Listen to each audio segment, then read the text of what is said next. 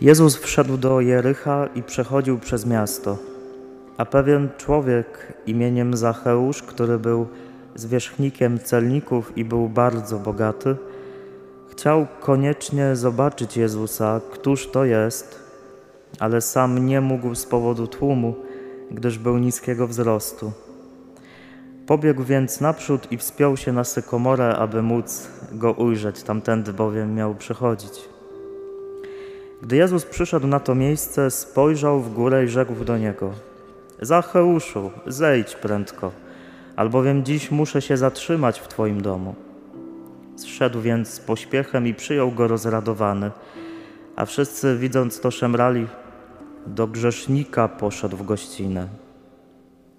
Lecz Zacheusz stanął i rzekł, i rzekł do Pana: Panie, oto połowę mego majątku daję ubogim, a jeśli kogoś w czymś skrzywdziłem, zwracam poczwórnie. Na to Jezus rzekł do niego: Dziś zbawienie stało się udziałem tego domu, gdyż i on jest synem Abrahama. Albowiem syn człowieczy przyszedł odszukać i zbawić to, co zginęło. Oto słowo Pańskie.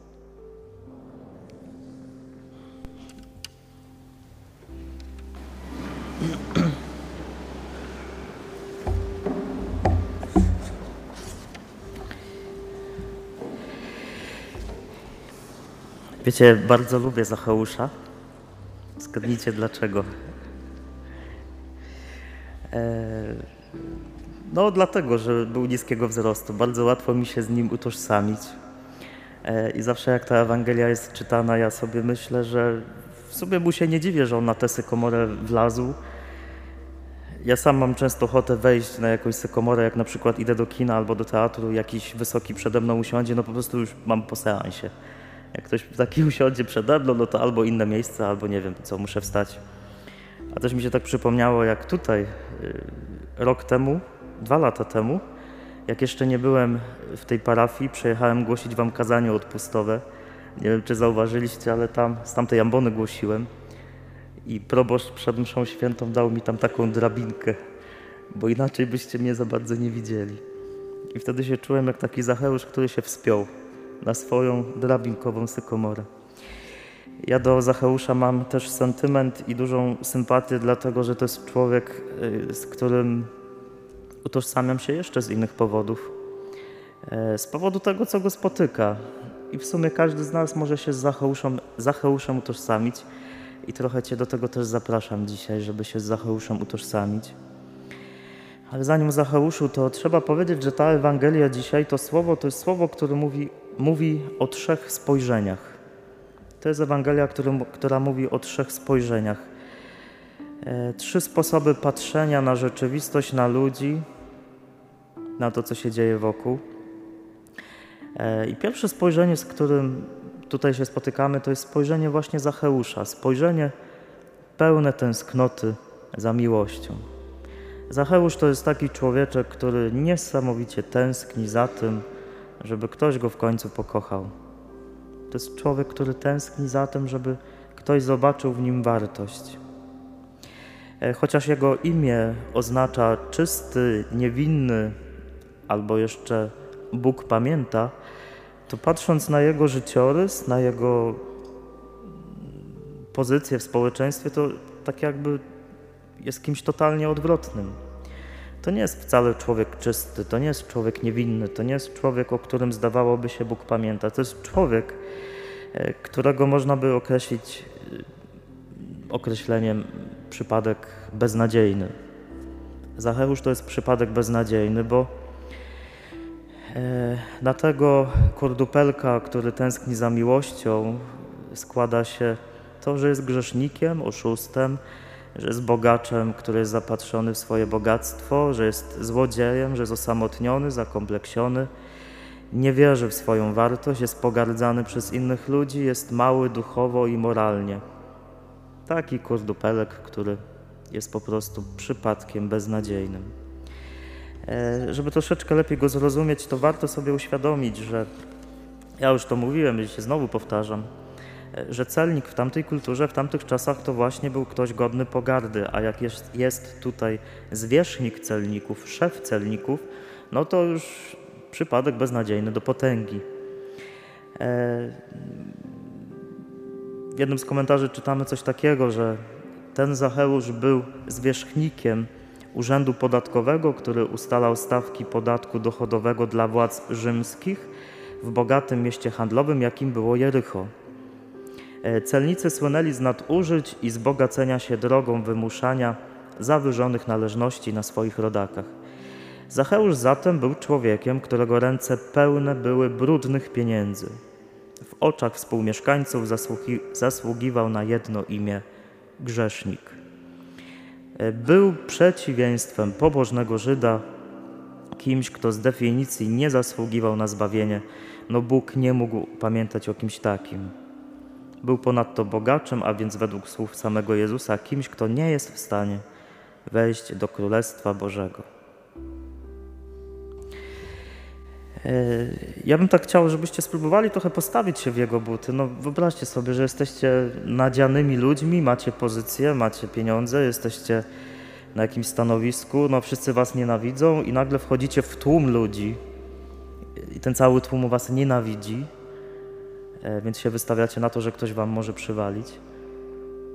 I robicie to wszystko, bo słyszycie, że idzie ktoś, kto podobno inaczej patrzy na ludzi. Że idzie w tym tłumie niejaki Jezus, który być może na tego Zacheusza popatrzy inaczej. Zacheusz to jest człowiek, który wiecie, jak patrzy w lustro, to myśli sobie, Boże, co za badziewie. Mimo, że jest bogaty, że ma pozycję, to wcale nie wygląda na szczęśliwego człowieka. No i w sumie pewnie nie był, jeśli każdy na niego popatrzył z pogardą. Sami wiecie, jak się człowiek czuje, kiedy, jak wy się czujecie, kiedy ktoś na was popatrzy źle. Czasem samym spojrzeniem potrafimy człowieka zniszczyć, poniżyć, zabić. No i tego Zacheusza codziennie ludzie zabijali spojrzeniem. To był po prostu ktoś, kim się gardziło. I poza tym, że nie miał za wysokiego wzrostu, no to y, wewnętrznie był taki skurczony, taki wiecie, no po prostu bida, taka no chihuahua. Patrzę na nich, bo na koniec roku minionego dali mi w prezencie chihuahuę, w sensie pluszową, nieżywą. E, Zacheusz to jest taka Taka bida. No i kochani, i nie możemy się z nim trochę utożsamić. Jak wielu z nas, patrząc w lustro, właśnie ma poczucie, że jest nikim, że nie ma żadnej wartości. Jak wiele jest rzeczy, które sprawiają, że jesteśmy po prostu tak poniżani.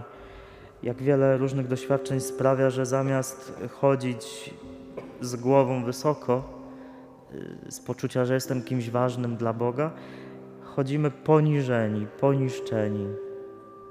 Jesteśmy jak tacy Zacheusze, którzy tęsknią za tym, żeby ktoś w końcu popatrzył na nich z miłością. Zacheusz to jest pewnie taki człowiek, który jak wracał po dniu roboty i rzucał te bogate szaty, odkładał papiery i kolejną sakwę z pieniędzmi, to pewnie sobie myślał, Boże, żeby ktoś mnie pokochał, żeby był ktoś obok, kto mnie kocha. Yy. Zacheusz tęskni za tym, żeby ktoś na niego popatrzył inaczej. No i to się za chwilę dokona, to się za chwilę wydarzy w spotkaniu z Jezusem. E, znowu w komentarzu czytamy, że zobaczyć w języku biblijnym zobaczyć, to znaczy doznać czegoś, mieć osobisty udział w tym, co się ogląda. Zacheusz chce spotkać Jezusa twarzą w twarz. Pragnie również, żeby Jezus spojrzał na niego, Nikt w mieście nie patrzył na Zacheusza z miłością, nikt nie pokładał w nim nadziei. Był więźniem swojej pracy, złej reputacji i samotności. Jak bardzo nieszczęśliwy to musiał być człowieczek. I to jest jedno, pierwsze spojrzenie, które tutaj w tej Ewangelii jest. Człowieka, który po prostu wręcz oczami pożera ludzi, bo tak naprawdę pragnie, żeby go kochali no, zasłania się pieniędzmi, pozycją, no, no i dlatego jest idiotą trochę, ale tak naprawdę tęskni za tym, żeby ktoś go kochał. E, I takie pierwsze zadanie dla Ciebie dzisiaj, warto zobaczyć, no, czy masz takiego Zacheusza. A ja sobie dam może nie tą, ale tą rękę uciąć, że mamy takiego Zacheusza. Wszyscy tęsknimy za miłością, wszyscy tęsknimy za tym, żeby ktoś popatrzył na nas z miłością. E, drugi rodzaj spojrzenia obecny w tej Ewangelii dzisiaj to jest spojrzenie pełne pogardy. I to spojrzenie posiadają ci, którzy e, są wokół Jezusa i którzy patrzą na Zacheusza. To jest w ogóle ciekawe. Ci, którzy są zebrani wokół Jezusa, nie mają problemu z tym, żeby patrzeć z pełną pogardą na Zacheusza, e, a potem szemrać, jak pisze ewangelista Łukasz. Kiedy Jezus do niego poszedł, to oni szemrali. Do grzesznika poszedł w gościnę, do takiego dziada poszedł. No jak on mógł? Jak ten Jezus mógł tam pójść? No jak? E, ci patrzą na ludzi i na innych, a na tego Zacheusza w takim poczuciu, my to jesteśmy idealni. Więc możemy gardzić tymi, którzy się zgubili. E, kiedy byłem w Łodzi wikarem, poznałem wtedy księdza Michała Misiaka, może go znacie, kojarzycie niektórzy. Taki no ciekawy kapłan, bardzo niekonwencjonalny i co chwilę coś dziwnego wymyśla, czasem mądrego, czasem nie. Ale głośno się też nim, o nim zrobiło w Łodzi, kiedy poszedł na kolendę do domu publicznego. Poszedł poświęcić prostytutki, poszedł się z nimi pomodlić. Boże, jakie wtedy te artykuły się pojawiły. Ksiądz poszedł do domu publicznego modlić się z prostytutkami. Pewnie poszedł się nie modlić. Jak ludzie wtedy niektórzy, często ci, którzy w niedzielę pobożnie w ławce klęczą, byli oburzeni. Jak ksiądz mógł pójść do prostytutek się z nimi modlić? A misiak poszedł po prostu na kolendę. Był czas kolendy, przechodził, patrzy, no jest, no to wejdę, nie? No, czemu mam je zostawić? No i poszedł. E... No i wtedy się odezwało właśnie grono ludzi, którzy zaczęli szemrać. Do grzeszników poszedł w kolendę. Do grzeszniczek poszedł w kolendę. E, to jest taka postawa, która też może być w nas obecna i sądzę, że my jako ludzie, a węższym zakresie jako katolicy też jesteśmy bardzo dobrzy, żeby patrzeć na innych i niszczyć, zabijać, skazywać człowieka przez to, że jest inny. Popatrzcie, ile razy już dzisiaj tak na kogoś, kogoś popatrzyliście. Patrzymy na kogoś, kto ma inną orientację, orientację seksualną i mówimy mm Patrzymy na złodzieja i mówimy mm Patrzymy na sąsiada, który w mojej opinii jest głupi i mówimy mm Patrzymy na człowieka, któremu potknęła się noga i tutaj już dajmy wszystko, co możliwe. Mm I co? I zabijamy. E, I można być bardzo blisko Jezusa i to robić, tak jak robił ten tłum. Możemy być bardzo blisko Jezusa tu i robić to samo. I też warto zobaczyć, czy ja takiego spojrzenia pełnego pogardy nie mam, bo poza tym, że to zabija innych ludzi, to to też działa we mnie. Takie spojrzenie zabija mnie i nic się nie zmienia wtedy. No jest, jest jeszcze trzecie spojrzenie, trzeci sposób patrzenia. To jest sposób, który, w który patrzy Jezus. No i to po prostu jest kosmos. To jak Jezus patrzy na tego Zacheusza, to jest po prostu wow. I też ten szczegół mnie ciekawi, że w tym całym tłumie ludzi Jezus sobie tylko tego kurdupla wybrał.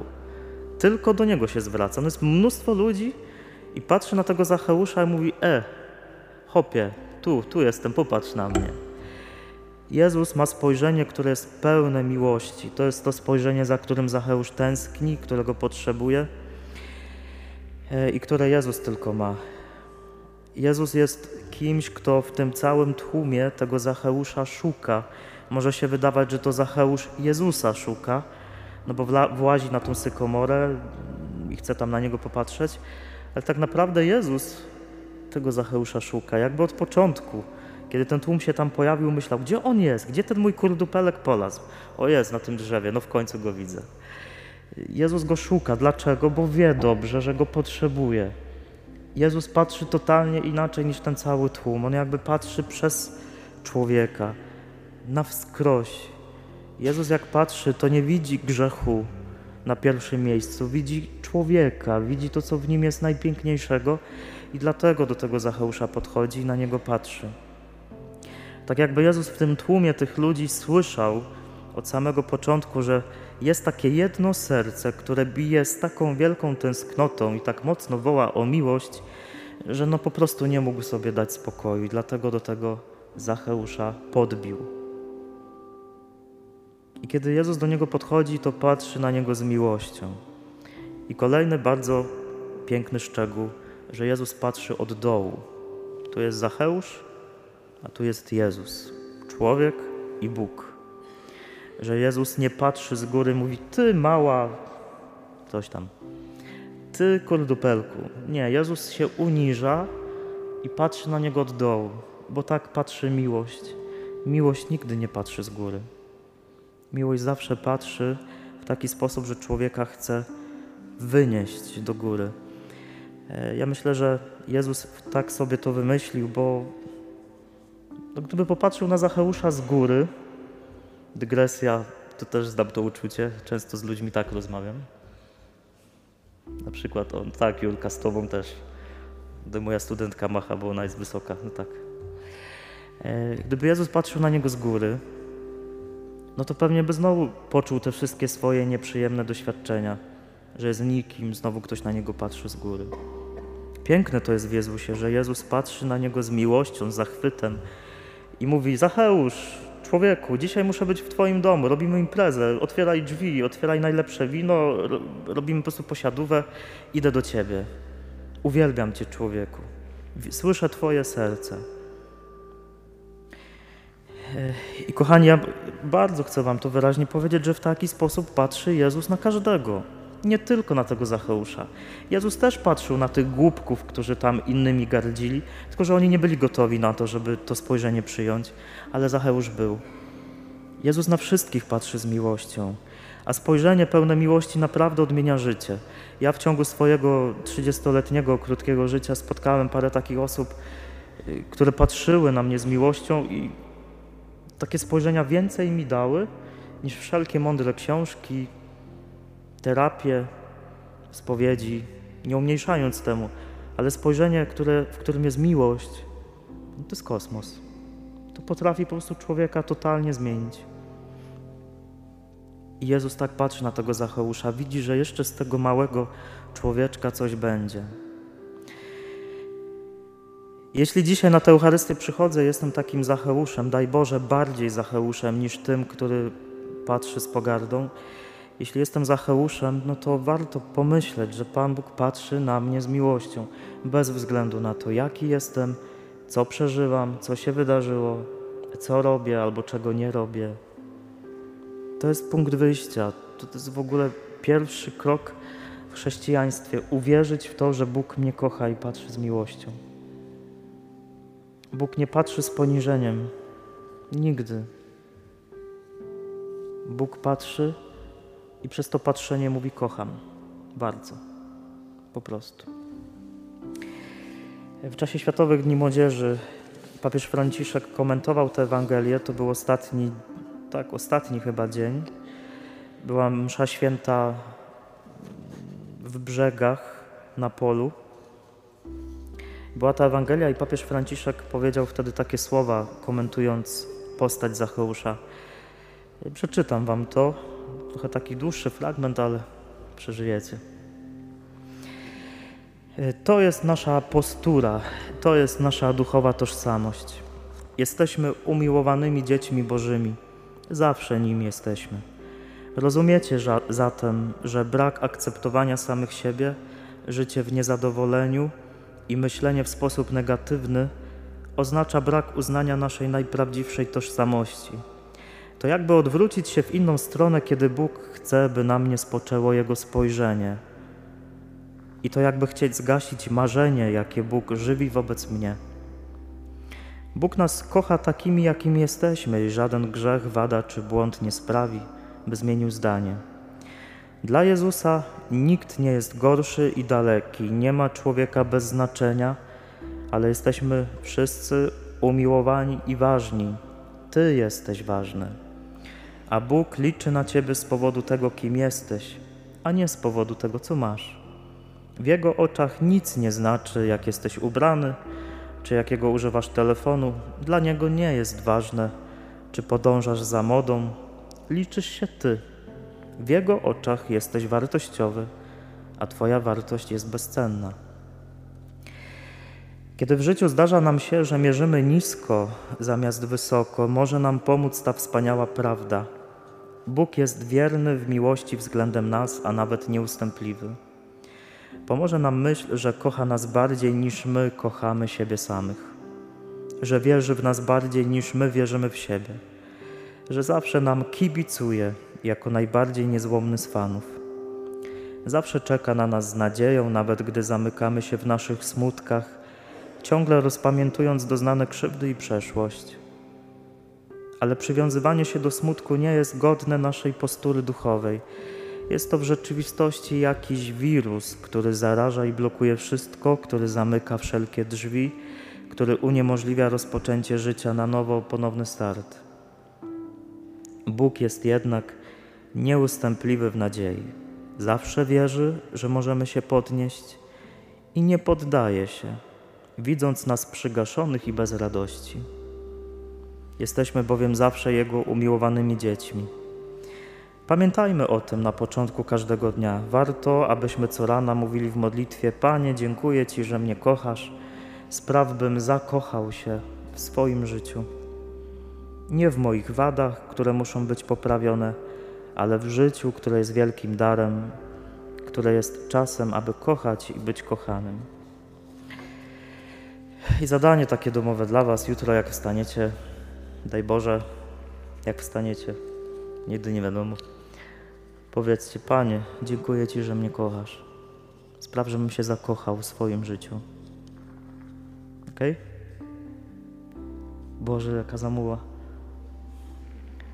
O.